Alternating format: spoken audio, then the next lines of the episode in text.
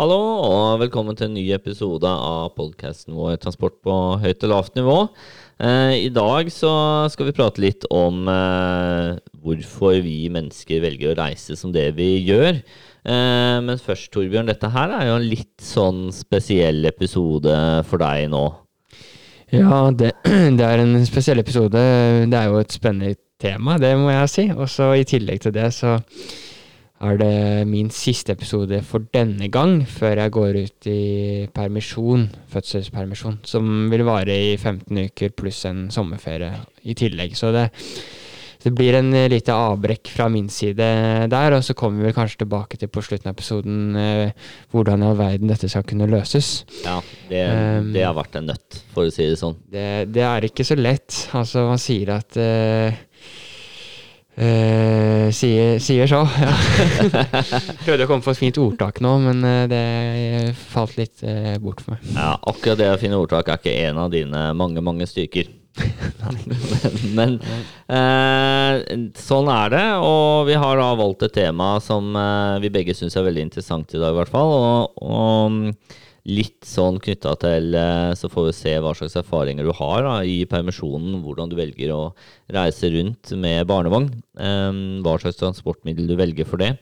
Eh, For det vi tenkte å diskutere i dag, og vi har undersøkt litt forskning og diverse knytta til hva som gjør at vi velger å reise slik vi gjør. Hva er det som påvirker valget av de ulike transportmidlene? Transportmidler er jo f.eks. det om man velger å kjøre bil eller ta kollektiv, f.eks. Um, og da er det jo en veldig veldig fin studie vi har funnet, en sånn comprehensive review. Her må, jeg, her må jeg skyte inn at det er vel strengt talt deg, Daniel, som har funnet den studien, så du skal ha all ære for Igjen skal du ha all ære for å ha funnet grunnlaget vårt når det er eh, artikler vi snakker om. Men um, det er jo en haug av faktorer der som blir ramsa opp og påvirke. Og noen er eh, funnet å være mer signifikante enn andre, og mer forska på enn andre også. Men eh, som studien også snakker om, så er det jo også en del av de faktorene som ikke er funnet signifikante, som kanskje også kan skyldes at eh, det har vært for vanskelig, med tanke på datagrunnlag og sånn, å finne gode signifikante eh, sammenhenger, da. Det er i hvert fall det vi har tenkt, men Mm. eh, man må lese studien nøye. Ja, og vi tar jo her eh, både den eh, studien som er Comprehensive Review, og, og våre andre kilder, og, og prøver å sortere litt her og se, se ja, hva er bakgrunnen for at vi reiser som vi gjør. Og vi tenkte å, å starte med, med bil, eh, Torbjørn. Um, du, Ja. du har jo bil.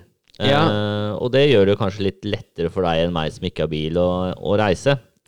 Ja, det, det er jo bare som Vi kan jo bare drodle litt rundt der generelt, da. Men eh, når vi først er inne i praten. Men på en måte så sier jo den studien eh, helt klart at eh, tilgang på bil, det er jo åpenbart noe som påvirker eh, om du velger å reise med bil eller ei, og hvor mange biler det er per husholdning, og dersom det er flere i husholdningen som har førerkort, og det er jo selvfølgelig også førende.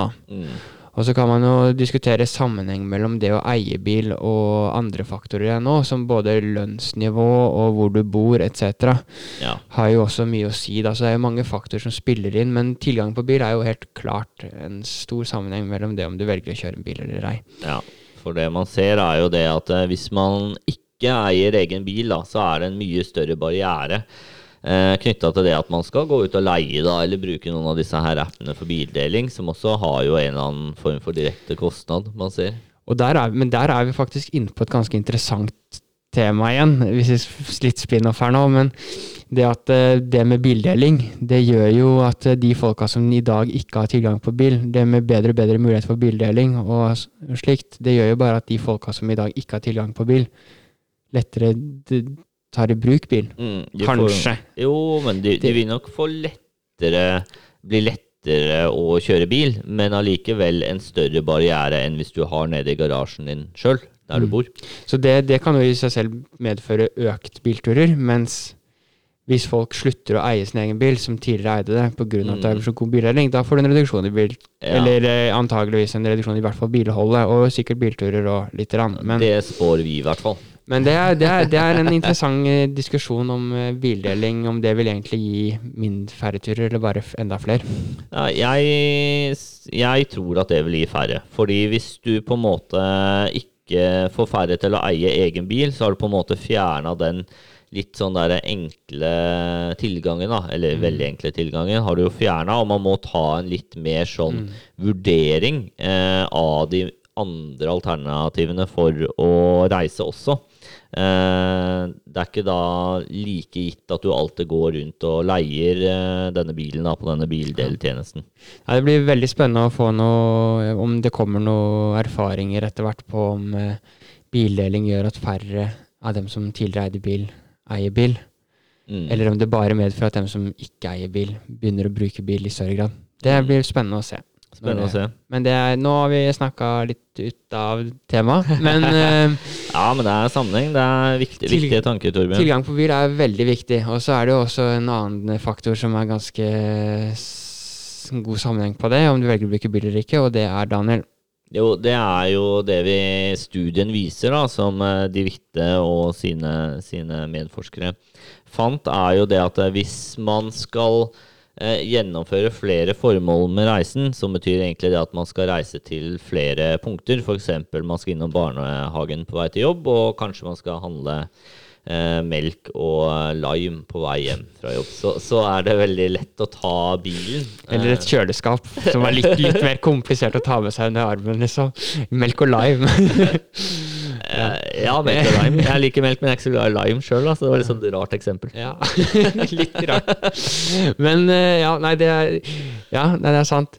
Så altså, jo, jo mer komplisert turkjeden eller reisekjeden din er, da, mm. jo flere formål du har da du drar fra hjemmet til du kommer tilbake, jo flere mm. målpunkt du skal nå, jo mer komplekst er det jo. Og det å finne et godt kollektivtilbud som kan dekke det komplekse behovet ditt, er ja. vanskeligere, og derfor er bilen selvfølgelig den beste. Ja, den konkurrerer da, for det er gjerne enkelt, og du er inne på det med kollektivtrafikk, at det er vanskelig å få ruter som på en måte treffer til alle de punktene, og igjen også med tider, rutetidene. Og så har du det med at gjerne f.eks. alternativet å ta sykkelen, da, så blir det kanskje oppleves som langt, da. Og så er jo det selvfølgelig veldig individuelt hvor barnehagen er plassert og sånne ting. Men at det blir Bilen er veldig ansett som enkel. Eh, og i hvert fall hvis man har parkering tilgjengelig. Mm. For det er jo en annen bidragsyter man ser knytta til eh, hvordan man velger å reise hvis parkering er tilgjengelig. og ved, ved, alle målpunkt, og spesielt eh, at man er garantert det, og hvis den er gratis, så velger man stort sett alltid å kjøre bil hvis man har det. Mm. Eh, så det er en veldig sånn klar bidragsyter, det med parkering, for hvordan man velger å reise. Eh, hvis man ikke er garantert å få en parkeringsplass, f.eks. at det kan være fullt, da, så reduserer eh, sannsynligheten for bruk av bil som transportmiddel. Mm. Uh, så parkering har veldig mye å si her, så det er jo noe å ta med seg videre for uh, lytterne våre, uh, arealplanleggere og transportingeniører rundt omkring. At hvis man egentlig vil redusere bilbruk, så er det parkering en veldig variabel som er aktuell å manipulere. Mm. Og så har vi en rekke andre faktorer òg, men blant annet ja, altså bytte av transportmiddel er jo nevnt i, i denne artikkelen du har funnet, Daniel. Og um, det står jo skrevet der at uh, det er en generell motstand mot det å bytte transportmiddel, og det husker jeg jo sjæl også veldig. Det er jo helt Det handler litt om hvor kompleks turen er igjen, da. At du, mm. du Eller kanskje ikke bare det, for du har kanskje et samme målpunktet, men at du hvis du må bytte, så blir turen din mer kompleks. Så du mm. må bytte, du må tenke, og du må rekke noe annet. Du må forholde deg til at noe annet skal gå da. Ja. Og da, da, er det mer tilbøyelig for å velge å reise solo, holdt jeg på å si. Da stort sett med bil. Hvis, eh, hvis det blir sånn at du alternativt må bytte, da. Mm. Jeg husker jo det selv da jeg pendla til Oslo, og ikke bare skulle til Oslo S, som var veldig eh, Hadde vært veldig greit hvis du bare skulle dit. Da var det én ting, og det var en halvtime. Men eh, når du skal bytte T-bane også, og så ta 15 minutter med banen og rekke banen og sånn, så blir det mer tungvint, altså. Mm. Og så må du flytte på deg, da.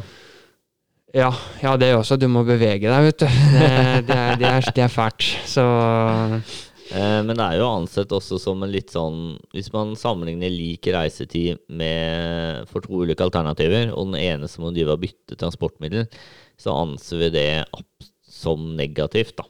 Eh, rett og slett. Og det handler jo litt om måten vi vurderer tid på. Eh, og det er jo også forska på knytta til eh, transportmiddel og valg, og man ser veldig klare trender at vi vurderer eh, tiden veldig sånn forskjellig basert på transportmiddel.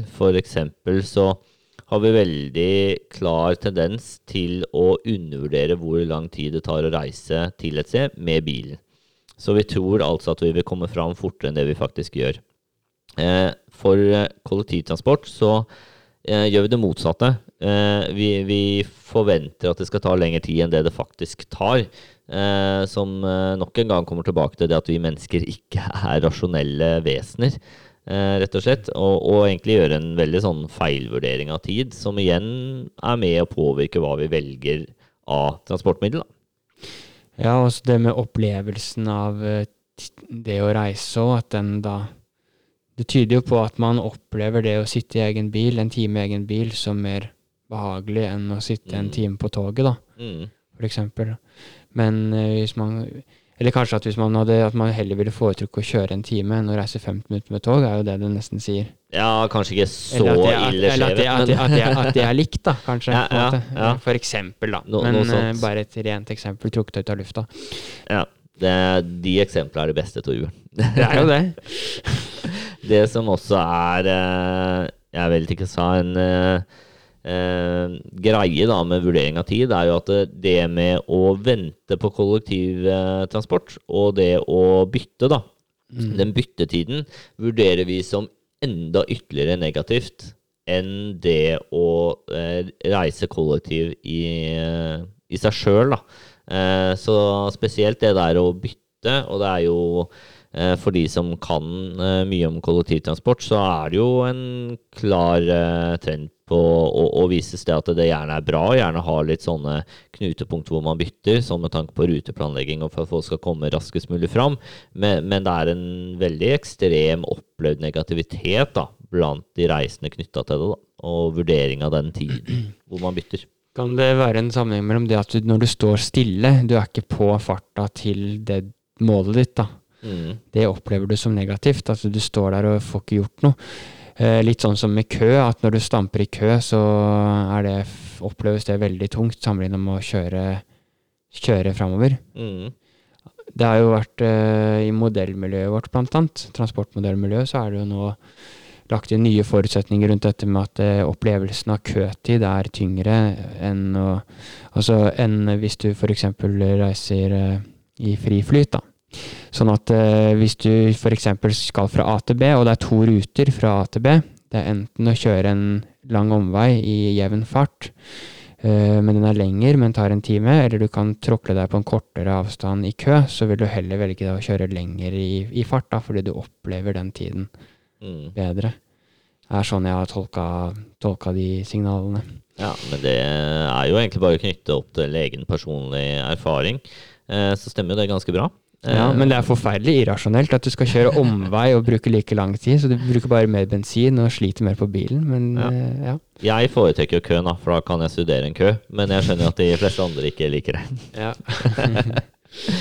Eh, samtidig så er det enda flere faktorer som påvirker hvordan vi velger å, å reise. Og, og det med vaner er jo en av dem, eh, Torbjørn. Eh, og ser jo det at eh, når man på en måte har innarbeida seg en vane, f.eks. hvordan man reiser til jobb, så har man veldig lett for å bare fortsette med den uten å tenke seg så mye om, da. eh, På, på de ulike alternativene. ja, det er jo egentlig ganske morsomt hvordan folk som har som va... Eller nå, nå kan det godt være jeg sier noe skummelt, men hvordan man når man bor f.eks. to kilometer unna jobben, da, Mm, så har man som vane at man kjører bil. mm, Men du bruker jo Du bruker jo ikke Selvfølgelig sparer litt tid, men altså du bruker jo ikke lenger tid nesten med sykkelen. ja, Du velger likevel å tråkle deg gjennom og stå i kø for Mm. å reise to kilometer.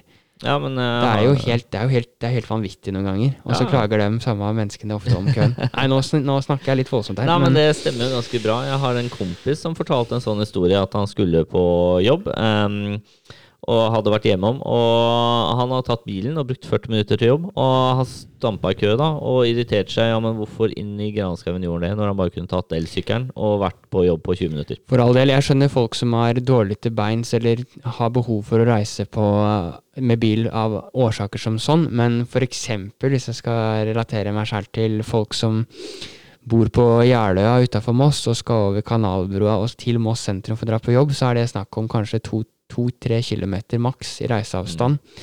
Og jeg tror det er overraskende mange av de menneskene som kjører over Kanalbrua og står i lange køer, eh, som egentlig ikke skal mer enn to-tre kilometer av gårde. Jeg tror vi kan ganske klart uh, konkludere med, uten at jeg egentlig har noe datagrunnlag til å si det, at uh, hvis alle som er i stand til å sykle, hadde sykla, så hadde vi ikke hatt uh, bilkø. Nei. Det er, jo, det er jo overraskende stor andel av bilturene som er under fem kilometer, f.eks. Mm. Eh, ekstremt overraskende, egentlig. Men eh, nå er vi Daniel var inne på det i stad, at jeg hadde litt sånne trumpianske holdninger til eh, mine utspill. At jeg plutselig kom med klare meninger om ting uten å ha noe hold i det. Så jeg får være litt forsiktig. Men eh, det, alt, er med, alt er synsing. Eh, vi, er, vi er veldig opptatt av faglig kvalitet i denne podkasten her. Eh, det er superviktig. Eh, men, men vaner er i hvert fall en klar, eh, klar ting som man ser at hvis man har innarbeidet seg en vane, så er man ikke noe eh, Ofrer ikke noe, noen kalorier på å vurdere noen andre alternativer. Nei. Eh, det gjør man ikke. Eh, og så ser vi også det med at kostnadene knytta til ulike transportmidler har noe å si. Og det er også igjen eh, relevant til det med inntekt, som selvfølgelig er en, er en variabel, men, men som stort sett påvirker andre ting. Og så er det klart at hvis man har en høy lønn, så har man flere reelle alternativer.